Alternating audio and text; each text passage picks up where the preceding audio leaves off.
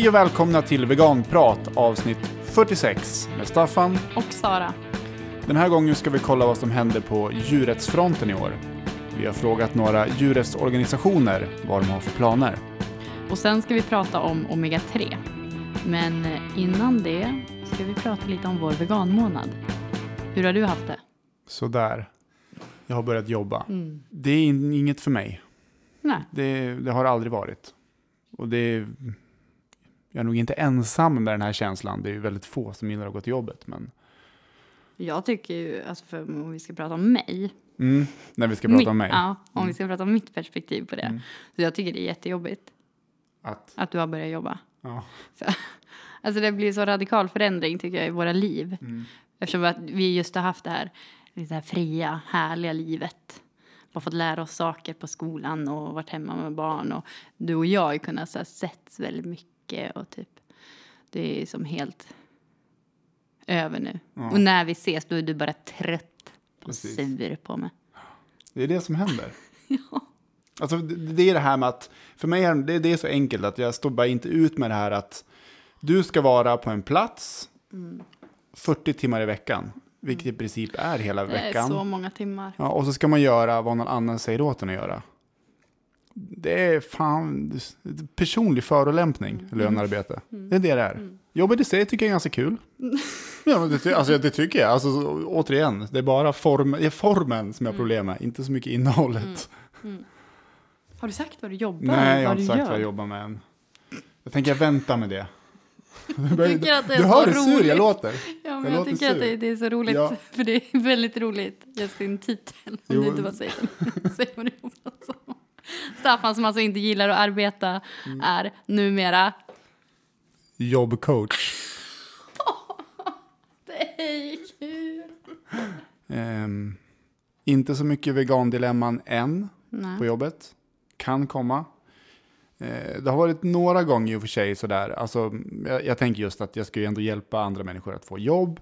Och vissa arbeten eh, går ju ut på att utnyttja och döda djur. Mm. Eh, och det har hänt några gånger sådär att jag har hjälpt någon och så här, söka jobb på någon eh, kycklingfabrik. Mm. Eller så. Men då är det mer så här, eh, typ hjälpa till med personliga brevet och CVet. Men ja, vad ska jag tänka om det? Jag tänker ingenting om det, jag bara gör det. Mm. Ja, vad ska man göra? Ja. Så hur gör ni alla där ute som arbetar 40 timmar i veckan? Eh, Skicka ett mejl, förklara för mig. Ja. Jag har gjort det, men det var så länge sedan. Det var så här eh, fem, tio år sedan jag gjorde det sist. Jag kom ju in i det efter ett tag, det vet jag ju. Det snurrar på och så. Men nu när man bara så här kastas in i det. Ja, så, Du, är ju inte, du är ju inte dig själv. jag är inte mig själv. Nej. Ser inte ens fram emot lönen. Nej, det gör jag inte. Nej. Så har jag haft det.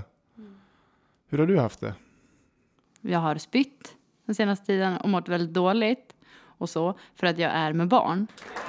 Ja, ja då ska man bli så här glad. Och känna sig eh, lyckligt lottad och sådär. Precis som man har fått ett jobb. Så ska man vara så superglad. Just det. Men eh, jag som, precis som du liksom avskyr, alltså jobb är inget för dig, aldrig varit. Det är ingenting för mig att vara med barn. Har aldrig varit. Jag avskyr varenda sekund av det. Men jag tycker jättemycket om att få barn, så att det är så här, Du gillar själva liksom produkten, jag gillar produkten, inte arbetet. inte arbetet. Precis. Nej, det är vidrigt alltså. Jo, men det vart så att jag varit med barn. Jag är med barn. Jag är gravid. Jag blir ett barn. Hur veganskt är det då? Mm. Inte så värst, skulle jag säga. Inte så värst. Hur tänker Eller du? veganskt, det är så här, ja, förmodligen så om det här barnet blir någonting som mina andra barn så kommer det bli ja, ännu en liten specialistunge som kommer vilja äta massa djur Ja. och bidra till massa lidande och död. Mm. Så det är ju inte bra ur det perspektivet. Och även om den nu blir vegan så är det inte så bra med alla, alla människor. Vi borde ju stoppa det. För det, vi blir fler och fler och man lider på grund av det typ. Mm. Tänkte du så här med dina första barn? Nej, inte alls. För att då var jag, jag var ju. Jag säga att jag var helt så ignorant på den tiden. Men mer än nu kanske. Ja, Nu är jag inte så superupplyst heller. Jag kommer säkert säga samma sak, för, hoppas jag, om, om några år. Att jag var dum i huvudet nu. Mm. Men nej, jag tänkte inte alls på det. Reflektera inte över att det skulle vara konstigt att skaffa barn. Ehm, det var bara som de flesta som skaffar barn bara gör det. För att eh, det, ska man, det ska man göra. Så fick jag ju barn. Jag tycker ju det är ju det bästa jag vet. Det har jag väl sagt massa gånger i podden. Mm. Jag älskar barn. Mm.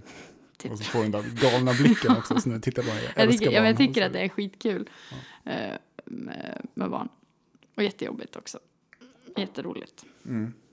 Men det är konstigt ändå tänker jag eftersom att jag ju, jag, ändå så är det ju lite psykigt att jag verkligen vill ha barn så mycket och tycker att det är så himla fantastiskt. För att stor del av min tid, eller som jag, det jag ägnar mig åt som förälder, det är att ha ångest. Mm. Alltså typ nästan så, ja, men på kvällarna så har jag bara ångest för att jag bara ligger och ältar alla, alla fel jag har gjort. Mm. Eh, så det är typ så här. Ja, det gör inte jag. Nej. Nej, men det är ju det är ju väldigt obehagligt att vara förälder. För hur man än anstränger sig för att ha ett så här, eh, så här nära föräldraskap och liksom försöka bryta såna här eh, hemska makthierarkier mellan vuxna och barn så är det det går bara till en viss gräns. Men sen så är man en... Nu kommer mamma. Hej. Halloj! Då får vi pausa för nu blir det semla. Nu har vi ätit semla. Det var gott. Det var jättegott. Var var vi? Ja, vi pratade om barn Mm. och eh, alltså det här förhållandet mellan vuxna och barn. Och jag tror att jag skulle säga något om att hur mycket man än anstränger sig för att ja, men liksom, inte vara den här auktoritära vuxna så kommer man bara till en viss gräns och sen så är det fortfarande så att jag kontrollerar en annan person och det tycker jag är Ja, men det är också en grej som är så här, det tar man för givet, eller det ska vara så, för barn är bara barn. Men det är ju, mm, det är inte okej. Bara för det. Ja, vad, vad, vad skulle jag med allt det här? Jo, jag är gravid. Mm. Det var väl egentligen bara det. Eh, Så, när man är gravid, då måste man gå till MVC. Eller man måste ju inte, det är ju frivilligt, men man går dit. Man går till MVC och pratar med barnmorskan och tar Hur- prover. Hur skulle det annars se ut? Ja, det skulle bli total katastrof om ingen tog fram måttbandet och vågen och kryssade på kurvor och allt skulle bara ramla ihop. Ja, ja visst. I alla fall, man går till MVC, man tar lite blodprover, man fyller i lappar om hur man lever och så vidare. Och sist jag var med barn då var jag inte vegan. Men det är jag ju nu. Jag tänkte lite snabbt över det bara. Hur jag skulle, för jag har sett det jag är med i den här gruppen Vego Parents.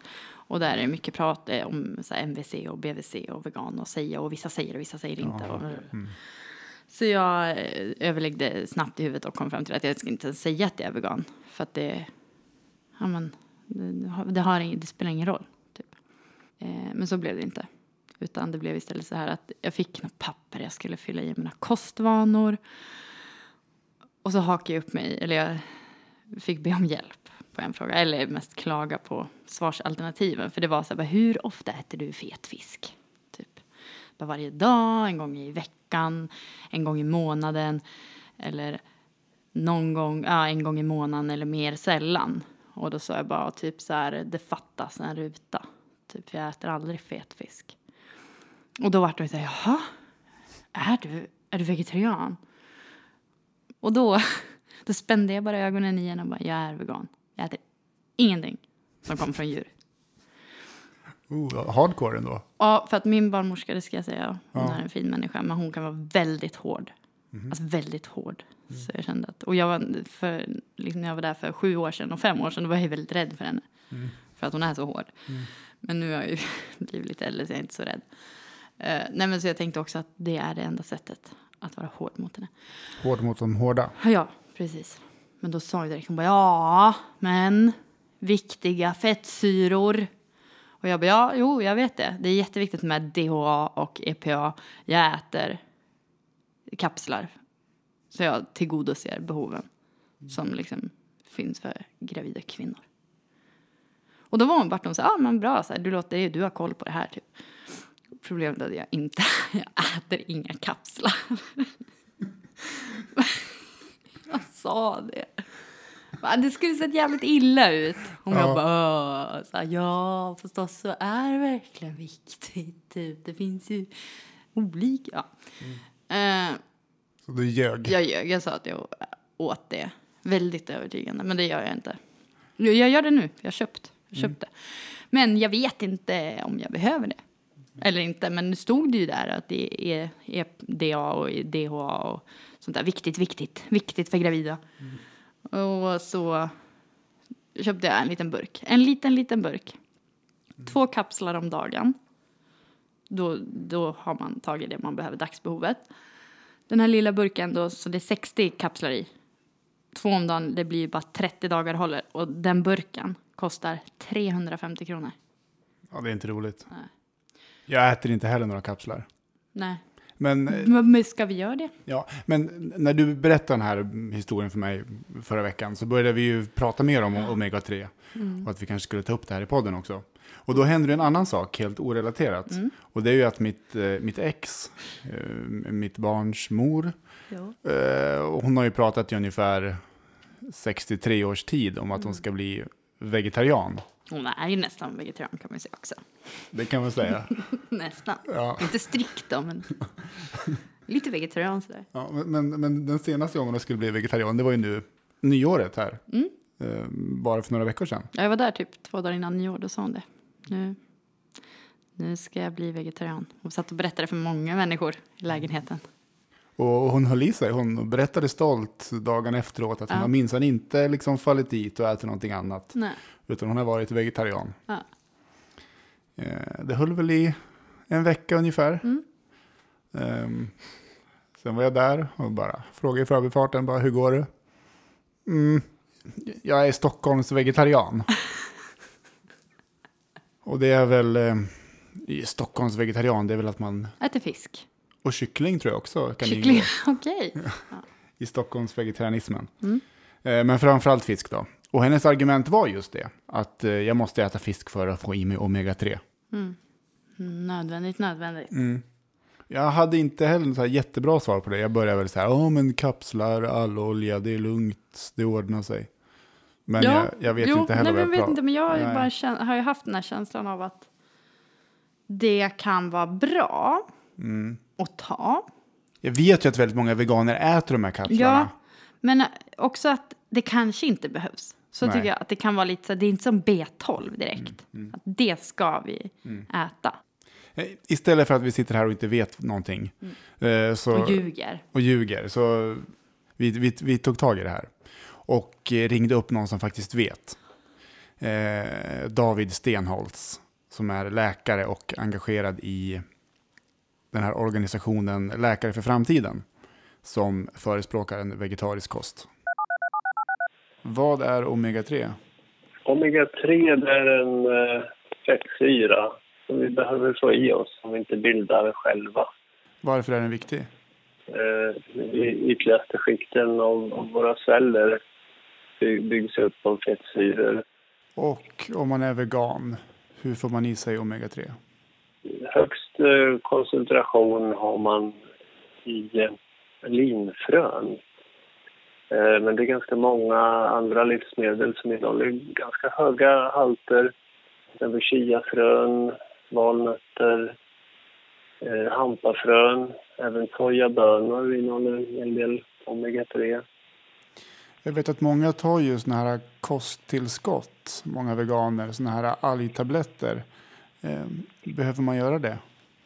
Det finns vissa människor som, som kan tänkas behöva det. Och det här beror på att eh, eh de omega-3-fettsyror som vi får i oss då, till exempel via eh, linfrö, linfröolja eller eh, dylikt. Eh, det är korta omega-3-fettsyror och sen bild, ombildas de där i kroppen till långa eh, omega-3-fettsyror som heter EPA och DHA och de behövs ju och då finns det en liten andel av befolkningen då anser man som, som är sämre på att ombilda. Och själv brukar jag faktiskt rekommendera gravida och, och även eh, små växande barn att man, att man lägger till det bara för säkerhets skull. Men om man inte är gravid och man inte är barn och bara är en vanlig vegan i sina bästa år. Skulle du rekommendera det då? Eh, nej, egentligen inte. Själv eh, händer att jag tar det lite sporadiskt om, om jag råkar ha det hemma. Mm. Men eh, om, om jag är utan det under längre perioder så är det inget som bekymrar mig. Skönt att höra, för de är ganska dyra de där burkarna för många. Det är 200-300 spänn i månaden. Ja, ja. Jo, ett, eh, en alternativ eh, metod eh, som sannolikt är billigare, jag har inte kollat upp, men man kan eh, om man hittar något privat, det finns ju en del privata labb nu för tiden, då kan man kontrollera nivåerna av de här EPA och DH i blodet. Så att eh, har man inte ätit algolja på ett år eller, eller så och eh, är lite nyfiken om man verkligen bildar tillräckligt själv, då kan man kolla det i blodet. Och, och ligger nivåerna normalt, då vet man att då behöver man det inte. Om, om man vill vara 100% säker. Och, och, och, vad kan hända om man inte får i sig tillräckligt? Eh, det är väldigt osannolikt att man löper risk för någon större skada. Man, man kanske får lite, lite torr hud, lite, lite torrare i håret. Men eh, några allvarliga besvär av EPA och DHA-brist, det, det tror jag inte finns beskrivna. Alltså, jag började, under när jag, när jag hörde det här första gången så han jag ändå bli lite nervös i intervjun. Alltså, för, för jag har inte tagit några tabletter och sådär. Men då sa ju ändå eh, David att eh, man får i sig genom kosten. Mm. Men sen när han började rabbla de här livsmedelsprodukterna där man mm. får i sig det, då kände jag liksom hjärtklappning. Hampafrön eller chia. Inget som ingår i din vardagliga? Nej. Nej, inte så jättemycket. Rapsolja, det nämnde mm. inte David Silans, men det tror jag är, eh, det är väl ganska rikt på korta, korta. omega-3 fettsyror. Ja. Ja, nej, men sen så vart man lite lugnad då när att, ja, lite torr hud och lite torrt hår. Kan man stå ut med. Ja. Det, det enda jag hörde i intervjun, jag hörde bara två saker. Det enda var att du behöver inte äta tillskott och som du säger, det är absolut ingen fara med brist. Nej. Men jag har ändå liksom hört något om att det har med hjärnan att göra. Ja, men det gör. Jag har ju klippt lite i intervjun. Ja. För det var, då jag tyckte det var dålig ljudkvalitet. Så mm. han sa väldigt mycket mer. Mm. Så jag har smalnat av det. Men jo, det stämmer. Och, och särskilt med barn. Eh, det bidrar ju till utvecklingen av hjärnan för barn. Mm. Och synen. Mm.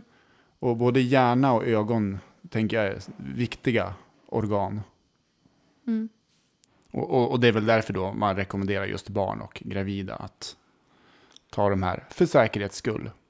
Ja, men skönt tycker jag. Ja. Jag har alltid misstänkt att det är något fishy med de där äh, algtabletterna. Jag bara, jag bara säger fishy, det. Fishy. Ja, no pun intended. Nej.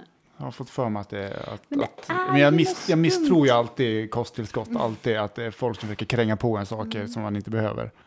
Men det, jag tycker att den ändå är svår den här, eller den är ju det. För det är väl ändå så här att eh, forskningsfältet... Prata i mikrofonen. Att, forsk, att det ändå är så här bara... Alla är överens om att det nog kan vara viktigt. Eller alltså att det, det verkar vara mycket frågetecken liksom. Jo, så är det väl. Jag har också läst på lite efterhand. Jo, som du säger, det är inte helt, det är lite oklart och mm. det verkar som att eh, alla människor får i sig lite för lite omega-3 i förhållande till omega-6. Ja. Eh, och att vegetarianer och veganer får i sig ännu mindre. Men det verkar ju som sagt inte vara någon fara. Nej. Alltså problemen som kan uppstå är inte så stora och förmodligen fungerar omvandlingen. Och, och är man riktigt nojig så visst, då kan man väl kolla upp sig på sånt här privat labb. Då. Mm. Vill ni veta mer så rekommenderade David eh, amerikanska dietistförbundets senaste eh, typ position paper om vegetarisk kost. Mm. Vi lägger en länk där från avsnittet. Där går de igenom allting, omega-3 och zink och bly, ja, inte bly, men järn och allt som människor behöver. Eh, och, och liksom ger det aktuella forskningsläget då. Mm. Och vi lägger också en länk till Läkare för framtiden. Eh, de har en egen artikel också om just vilka kosttillskott som veganer behöver ta. Och det är ju liksom, kortversionen är ju B12 varje dag, D-vitamin under vinterhalvåret, omega-3 om man är gravid eller till barn. Jag blir ändå stressad av det här. Varför det? Jag vet inte. För jag är hypokondriker eller något. Jag blir lite stressad över allting. Hjärnslöa och blinda barn får vi. Det är det jag hör. Du har det. Jag, jag har bara, här finns det pengar att spara. Nu ska vi ta några Så blev jag vegan-historier. Och det är några som vi spelade in när vi var på vegomässan i september förra året. Först ut är Nathanael.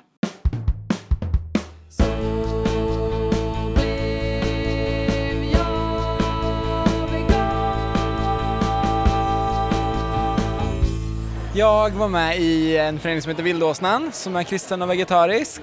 Och eh, då varje år, typ februari-mars, så har man om en månads fasta i den kristna traditionen. Och då uppmuntrar vi alla att eh, fasta veganskt, helveganskt. Så gjorde jag det och sen fortsatte efter det. Hur kom det sig att du valde att vara med och varför fortsatte du vara vegan? För att det var så enkelt. Jag var lakto innan och jag hade bott i en liksom vegansk community ett tag och märkte hur praktiskt det var. Det var inga problem alls faktiskt. Men den här eh, traditionen av att äta veganskt och fasta inom den kristna världen, var kommer den ifrån? Men den kommer från att 40 dagar innan påsk varje år, där enligt legenden Jesus eh, dog och uppstod, så ska man leva som, som att det vore himlen idag, leva i paradismat och den gamla katolska och ortodox tradition. Och då äter man både enkelt och billigt, liksom i eh, solidaritet med utsatta personer. Man äter också som om paradiset var här. Alltså man äter inte varandra utan man, ja. Det är som en fin tradition tycker jag leva som, eh, som en bättre värld. Ja. Vem vill inte äta paradismat? Nej, eller hur? Låter Finns ju- det någon bättre mat? Nej, det låter ju ganska nice. Mm, fin, fin tanke det där. Kris, om det nu är kristen, det här att vi ska inte äta varandra. Mm. Ja, jag vet inte, det, men det växer väl även inom kristendomen och kyrkan, att fler och fler blir veganer. Ja. Eh, I och med att man tolkar om Bibeln, eller to, inte tolkar om, men ser det på ett annat sätt. Ja. Traditionellt sett har ju inte kyrkan varit sådär jättepositiv för djuren alla gånger. Nej.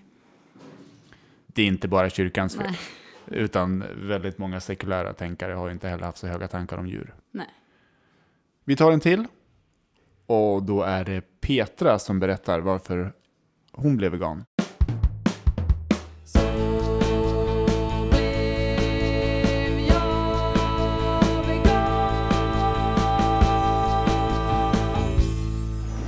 Var lite konstigt faktiskt för att det var i en gruppchatt um, på nätet och på något sätt så gled det in på förintelsejämförelsen och jag blev sjukt provocerad.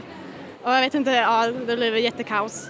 Men um, någon, någon gång under, under konversationen så delades videon What's Vegan See av Bite Size Vegan.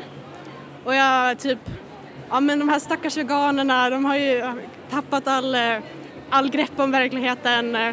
Men så när man sett en video på Youtube så får man ju rekommendationer av samma så jag började titta typ för att jag ville tyckte att det verkade underhållande med veganer. Folk brukar ju säga att man stänger av köttisarna när man pratar om förintelsen eller något. Jag tror att, eh, jag, tror att jag fattade att jag hade stängt av och därför trodde jag att jag var immun mot eh, vegan, alltså veganer och vad de har att säga, vilket jag inte var. Så typ två dagar senare så, ehm, så tittade jag på en video, eller jag hade, jag, hade, jag hade inte kunnat sluta titta på videor. Och så tittade jag på en video på frukost, vid frukosten och sen eh, jag åt skinka och eh, skinka och smör och eh, ost och det smakade som aska. Eh, så jag bara, nej det här, det, här, det här duger inte längre, jag måste bli vegan. Jag slängde allting eller gav bort. Eh, gick och handlade och sen har jag inte sett, liksom har jag, jag har varit vegan sedan dess. Det här är ju, jag tycker det är så himla peppigt alltså. De där eh, köttisarna som man gör förbannad, de kan ju bli veganer. För att man gör dem förbannade. Typ. Skitbra. Ja, eh, ja, bra att veta att den tiden inte var bortkastad. När man har skällt på köttisar. Va? Gör, vadå, gör du inte det längre? Nej, Nej. jag gör inte det. Jag är lite för konflikträdd. Vi snackade en del med Petra under hela dagen där på vegomässan. Det är så fan, fan, jag bara suger åt mig så mycket energi av eh, såna här som är nyblivna veganer som bara, så här, bara ser möjligheterna. Bara veganism, bara yes, nu kör vi. Jag ska liksom engagera mig och fler måste få veta. Och... Ja, det är ju det som ger liv till rörelsen, tänker jag. Det att det kommer sådana hela tiden. Radikaliserats på internet. Är det det hon har gjort? Ja, Mm. det är det ju. Samhällsfara. Mamma! Kom! Du ska säga så här. Nu har det blivit hög tid för... Nu har det blivit hög tid för Vardag med veganen. Del 50. Veganen tittar på skam. Du har rett til å være sur på meg. Jeg er ikke sur på deg. Du er så sinnssykt egoistisk og manipulerende og, og selvopptatt. Vardag med veganen. Jeg har sett alle tre sesongene. Og jeg liker det veldig, veldig mye. Men nå så har jeg begynt å irritere meg. I, eh, I början, får jag bara säga då. Ja, I början då tänkte jag ändå så här. Jag vet att jag pratade med Ramin om det här. Nu kommer jag spoila. Nej, men jag pratade med Ramin om säsong två. Han hade inte sett säsong två. Som handlar om Nora och att Nora blir tillsammans med William. Det var det vi hörde i klippet. Precis. Och då var Ramin så bara, Åh, säg inte att Nora blir tillsammans med William, då kommer jag bli så arg. Så arg kommer jag bli. Och då hade jag sett säsong två och sett att det är ju det som händer. Och då var jag så här, men gud Ramin, det är så himla... Ah.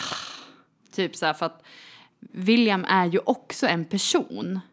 Och att det är ju ändå något fint. Så här. Alltså, de visar det fint och det tycker jag fortfarande. Men sen ändå ångrar mig då och tyckte att det hade varit bättre om Nora faktiskt inte blev tillsammans med William. Ja, ja, ja. Eller jag vet inte. Ja, men jag tycker det är väl bara en så här, jag har ju också sett det här, det är väl en det, så klassisk romantisk komedi.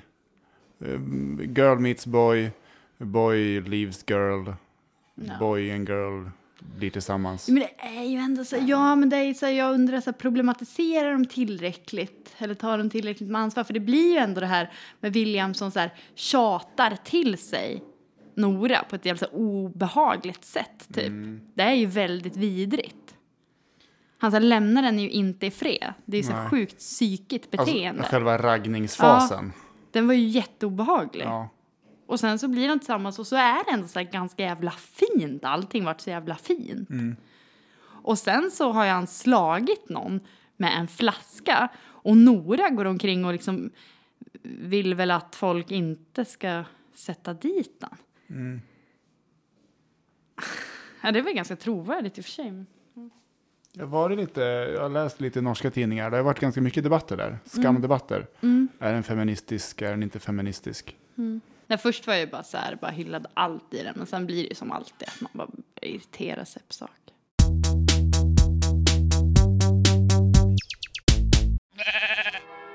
Ring klocka! Ring! Ring in det nya!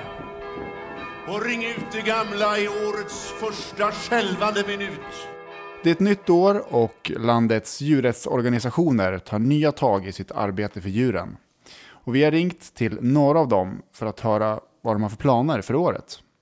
Och först ut är Djurens Rätt, landets största djurrättsorganisation. Och vi pratar med Moa Richert Hagert som är kommunikationsansvarig. Ja, vi har så mycket planer. Eh, jag Vi har en hel lista på, på grejer vi ska göra i år. Vi går ut ganska, ganska hårt här på en gång med att alla våra lokalavdelningar har ju årsmöten i, i februari, nu i början av året. Och sen så drar vi på Linköping Vego också 11 februari. Sen under 2017 så ordnar vi vår egen djurvänliga mässa Vegovision på tre orter faktiskt, första året vi gör det. Så vi kör både i Göteborg, och Umeå och Stockholm i år med vår egen mässa. Ehm, sen har vi ju även eh, vi har ett ungdomsprojekt på gång som heter Förändra-projektet. Där vi försöker engagera unga i praktisk djurrätt. Och där har vi på gång en poddserie faktiskt och ett gäng Youtube-filmer bland annat. Och hur ser det ut på det politiska området? Vad gör ni där? Ja, 2017 är ju förhoppningsvis året som vi kan få se ett slut på vilda djur på cirkus, hoppas vi. Det är ju en fråga som vi har drivit eh, nu ganska länge och som fått ganska mycket uppmärksamhet. Och vi hoppas ju att eh, den nya djurskyddslagen kommer under 2017. Det är ju något som har skjutits på framtiden i massa, massa år. Och det senaste vi har hört nu är att den ska komma till hösten 2017. Och där skulle vi helst vilja att det här förslaget om vilda djur på cirkus, att det bröts ur och genomfördes redan innan. Men annars är det väl till hösten som vi kan hoppas på att, det kan gå igenom. Hur är det med pälsfrågan? Ehm, finns det någon möjlighet att vara framgångsrik där till djurskyddslagen? kan vara svårt. Eh, det har ju varit lite av ett politiskt dödläge nästan i den frågan. Eh, det vi, vi har jobbat lite för nu är att eh, bevisa det här med att minkar har ett väldigt stort behov av att simma. Och om vi skulle lyckas få in det i föreskrifterna, att minkar ska ha tillgång till simvatten, då skulle vi kunna se en, en avveckling av minkfarmningen. Mm. På samma sätt egentligen som, som rävfarmningen avvecklades när rävar bland annat fick rättigheten till att gräva. Det tror jag är den mest troliga utvecklingen där. Men du ser inte som att möjligheterna är så stora för det just i år då? Det kan, det kan gå. Jag tror att den är, det har varit en svår fråga som vi, som vi har drivit länge ju. Mm. Men vi kommer ju absolut inte släppa taget om den. Men jag tror att eh, det här med vilda djur på cirkus är nog mer troligt att det går igenom fortare. Sen har vi ju vår årliga sommarturné som gör sitt tolfte år i år. Och då åker vi runt hela Sverige och är med på festivaler och marknader och, och torg i både stora och små städer och försöker nå ut med, med ett djurrättsbudskap. Jag har ju märkt också att ni har satsat väldigt hårt på sociala medier och kanske framförallt Facebook. Jag antar mm. att det är någonting ni kommer fortsätta med under året? Det är det absolut. Det är ju, eh, Facebook är nog vår enskilt viktigaste kanal. Och även Instagram har växt eh, väldigt mycket. Så där har vi väldigt stor potential att nå ut till, till nya personer. Mäter ni, eller går det ens att mäta om det har någon effekt med er stora närvaro i sociala medier? Ja, det gör det. Det är alltid svårt med, med mätning, med vad en ska mäta och vad en ska lägga tid på att mäta. Det som går att mäta väldigt eh, ganska lätt är ju interaktionen och engagemanget. Och där hamnar vi ganska ofta på olika sådana topplistor på Instagram till exempel, eh, vilka organisationer som engagerar mest. Och då mäter man då hur mycket kommentarer och sånt eh, ett inlägg får. Sen kan det vara svårare att koppla det till rena förändringar för djuren. Det är ju en, en lite längre påverkansväg. Men vi märker att vi mobiliserar många eh, via våra sociala medier. Hur mycket kommer ni arbeta med eh, veganfrågan? Ganska mycket. Vi har ju till exempel en ny app som vi släppte förra året som heter Vegokoll. Där en kan eh, skanna produkter och kolla om de är veganska eller inte. Så det är något som vi hoppas ska underlätta väldigt mycket för, ja, men för nya veganer och eh, i, praktiskt i mataffären. Liksom. Eh, och sen har vi ju Vegovision eh, gånger tre i år, vilket ska bli mm. jätteroligt. Eh, så det blir en stor satsning. Eh, så vi kommer fortsätta och lyfta det ganska mycket. Mm. Kanske även att det blir någon liten kampanj under året med vegantema. Spännande. Har ni några tankar mm. där? Hur skulle, hur skulle den utformas? Nej, vi får se lite. Det finns ju många vägar att gå där. Vi jobbar ju ofta både med, med, med alla olika målgrupper direkt mot konsument och mot handeln och även mot politiker för att skapa förändring. Så vi får se lite där vart, eh, vilken vinkel vi ska ta på den kampanjen i år. Många saker på gång i Djurens Rätt. Eh, djurskyddslagen, ja. den eh, ska vi försöka hålla lite koll på. Mm, ja, det ska bli spännande att se. Vad som står i den. Och kanske framför allt vad som inte står i den. Vi fortsätter med Djurrättsalliansen och Malin Gustafsson som är talesperson. Vad har ni på gång? Bland annat så har ju vi under flera år och kanske också som många känner till oss för arbetat med att dokumentera de svenska djurindustrierna och djurutnyttjandet i Sverige. Eh, och det kommer vi ju självklart att fortsätta med även i år. Och kring just det arbetet så kanske jag inte kan säga mer än som så i nuläget att vi kommer att avslöja djurutnyttjandet och djurplågeriet som pågår i Sverige under året. Eh, vilket vi tror är en effektiv metod för att sätta djurens liv på agendan och på sikt det som vi arbetar för långsiktigt och ändra djursynen i samhället. Ehm, så det är en sak som vi kommer att arbeta med under året. En annan sak som vi kommer fortsätta arbeta med är att lyfta veganismen på flera olika vis. Och det gör vi bland annat med veganutmaningen. Ehm, och det gör vi då för att personer som inte är veganer de får testa på att äta veganskt under en månad med hjälp av coacher och experter och de får recept ehm, dagligen och sådär. Eh, och det är någonting som vi har sett är väldigt uppskattat av många och intresset har bara växt år för år. Så självklart ska vi göra det i år igen eh, och det ska bli jätteroligt. Och sen eh, just med frågan kring veganismen så kommer vi att fortsätta att anordna veganska matutdelningar runt om i Sverige.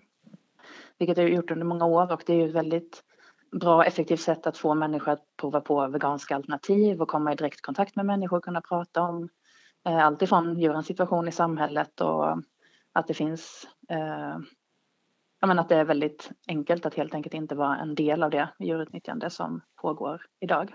Så det kommer vi fortsätta göra med och sen åker vi också runt med iAnimal som är ett projekt där vi använder sådana här eh, virtual reality-glasögon som då gör det möjligt för människor att kliva rakt in i en grisfabrik eller på slakterier för att se djurens verklighet. Och i samband med det då så har vi ju bland annat vårt Varför vegan-häfte som vi eh, ja, men för samtal med de här människorna som använder glasögonen och pratar om djurutnyttjandet och att det finns helt enkelt andra alternativ än det som är normen i samhället idag.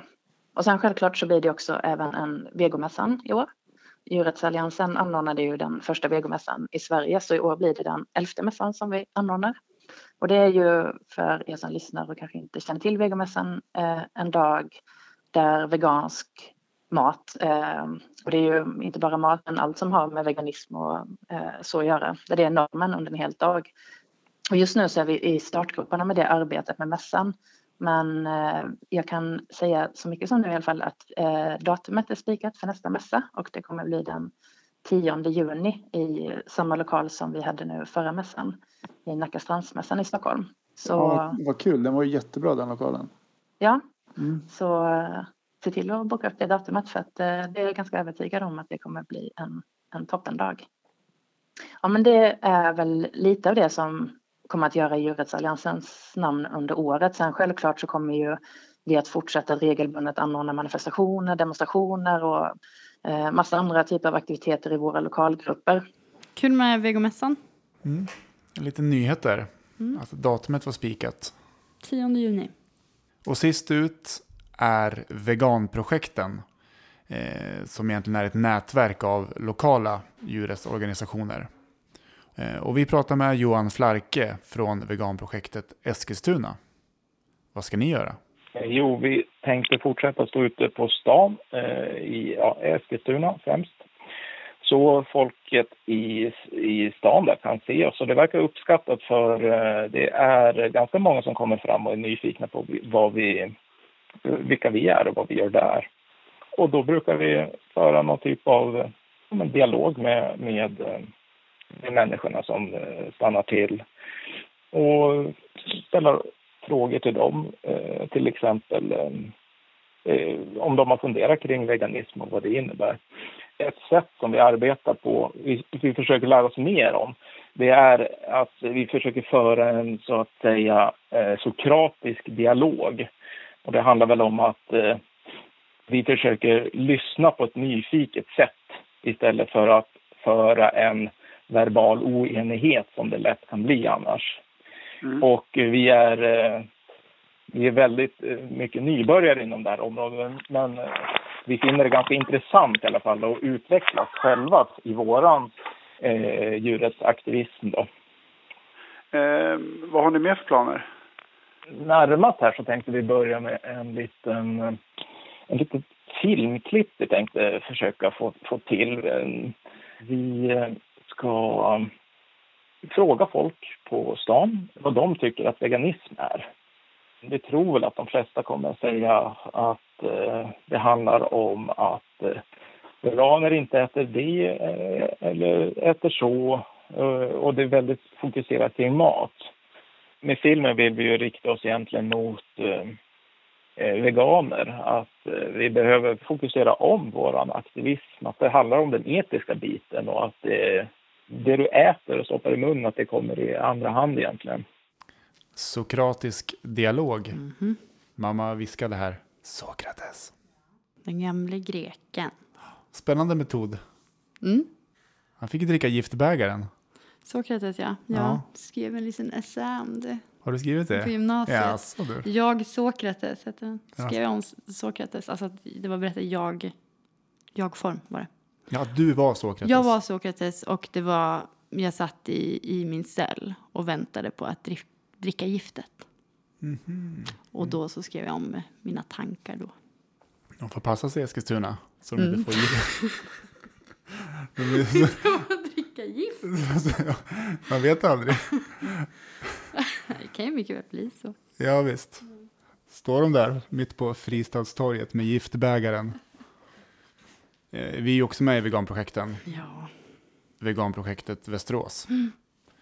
Vad har vi på gång då? Eh, Vi, vi kommer köra med på föredrag i vår. Mm. Föredrag plus tacobuffé. Mm. Och så har vi bokat in en tre, fyra datum. Djurets prat och mat. Så kallar vi det. Mm. Det händer saker. Ja. Nytt år, eh, nya tag, nya möjligheter. Det här är ju bara också, det här är ju inte allt som händer såklart. Det är en, en liten del av allt, allt som händer. Nej, vi kunde ju inte ringa runt till alla djurrättsorganisationer i landet. Ehm, och och det, händer ju, det finns ju väldigt många fler naturligtvis. Ja, Jag tänker att det är jättemånga personer som gör saker i grupp och ensamma eh, som liksom som aktivister för fullt. Förhoppningsvis händer det mer på djurrättsområdet i år än förra året, Ja, det är ju bra att ha som mål. varje år. Ja, eh, det blir ännu mer nu. Det var allt för den här gången. Mm. Eh, och det är ett nytt år för oss också i Veganprat. Ja, nu är det fjärde året. Vi har lite idéer för året, vad vi ska hitta på. Mm. Sådär, men vi vill gärna ha fler. Eh, Så om ni har eh, åsikter, tankar om vad vi borde prata mer om och kanske vad vi borde prata mindre om. ehm, Mm. Eller eh, kanske något ämne som ni tycker att vi borde ta upp. Eller ni kanske har tänkt på någon person som ni skulle vilja höra en längre intervju med. Bomba oss med förslag. Mm. Vi har ju fått, vi har ju fått tips. Ja, Och det kan vi ju bara nämna att alltså, många av dem, alltså, det finns i, i bakhuvudet, tänker jag. Mm. Och det kommer. Eh, en annan nyhet är att vi har skaffat Patreon. Och det är en tjänst som många poddare använder sig av. Och det är typ så här att eh, lyssnare kan chippa in lite bidrag för avsnitt, typ valfri summa. Så, så får helt enkelt poddmakarna pengar. Rena cash. Para. Det är det här med jobbet. Jag bara känner, jag, fan, jag har ingen energi. Jag blir helt trött. Jag vill vara, kunna vara ledig några dagar i månaden och förbereda och planera med avsnitten och göra intervjuer. Så som jag gjorde förr i tiden, på den gamla goda tiden. Ja, alltså för det är ju så här att eh, det, det tar ju mycket tid att... eh, Alltså du lägger ju mycket tid Mm. på att eh, planera avsnitten och eh, fixa intervjuer och klippa ihop och hit och dit saker, ljudklipp och så vidare. Jag vet inte riktigt allt vad du gör, men jag har uppfattat att det tar tid. Och nu när du har jobbat ett tag så vi känner ju att det, tiden finns ju inte riktigt. Nej. Och den måste finnas. Så skulle det vara bra om Staffan kan jobba 80 procent. Och, och det är bra med Patreon för där kan man ju välja själv också. Det lägsta beloppet är väl en dollar per avsnitt. Nio spänn. Och sen kan man ju ända upp till en miljon per avsnitt. Ja, så en, känner någon sig manad så... Svårt med pengar. Jag har haft det tidigare, liksom att man har en så här ideologisk grej, man ska inte ta betalt för djurets arbete. Men eh, fan. Fast det var ju lätt att säga, alltså det var, det var jättelätt att säga när vi inte behövde det. Eller när all tid fanns och Ja. pengar fanns. Nu är det inte så längre. Så. Alltså får vi inte pengar kommer vi fortfarande... For, alltså det, vi kommer ju fortsätta. Vi kommer göra podden ändå. Men vi kommer oftare spela in på kvällar och kommer vara flam... Då kommer det bli så här flamsigt. Ja. Det kommer inte... Det kommer bli... I början kanske det verkar kul. Men i längden så kommer det inte bli kul. så... öppna plånböckerna. Om man kan ha möjlighet och vill. Är det krångligt? Nej, det är inte krångligt. Man skriver sitt namn och lämnar sitt nummer till kreditkortet och sen dras det då varje gång det kommer ut ett nytt avsnitt. En valfri summa. Patreon.com snedstreck veganprat. Nu ska vi prata om något roligare. Musik. Den här gången så bad vi Malin Gustafsson från Djurrättsalliansen att välja en avslutningslåt. Hon vill höra Release Me av Olora med motiveringen att eh, den får mig att känna många olika saker men främst att jag aldrig kommer ge upp förrän alla är fria. Och ni kan skicka ett mejl Kontakt snabel a veganprat.se Eller kommentera. veganprat.se och om du inte är vegan, Bli vegan. hej då! Hej då!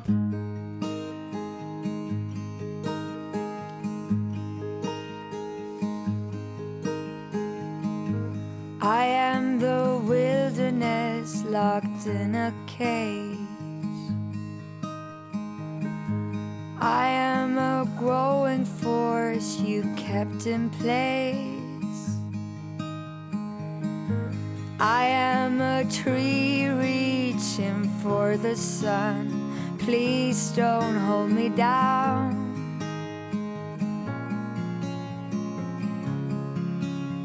Please don't hold me down. I am a rolling wave without the motion. A glass of water longing for the ocean. I am an asphalt flower breaking free, but you keep stopping me. Release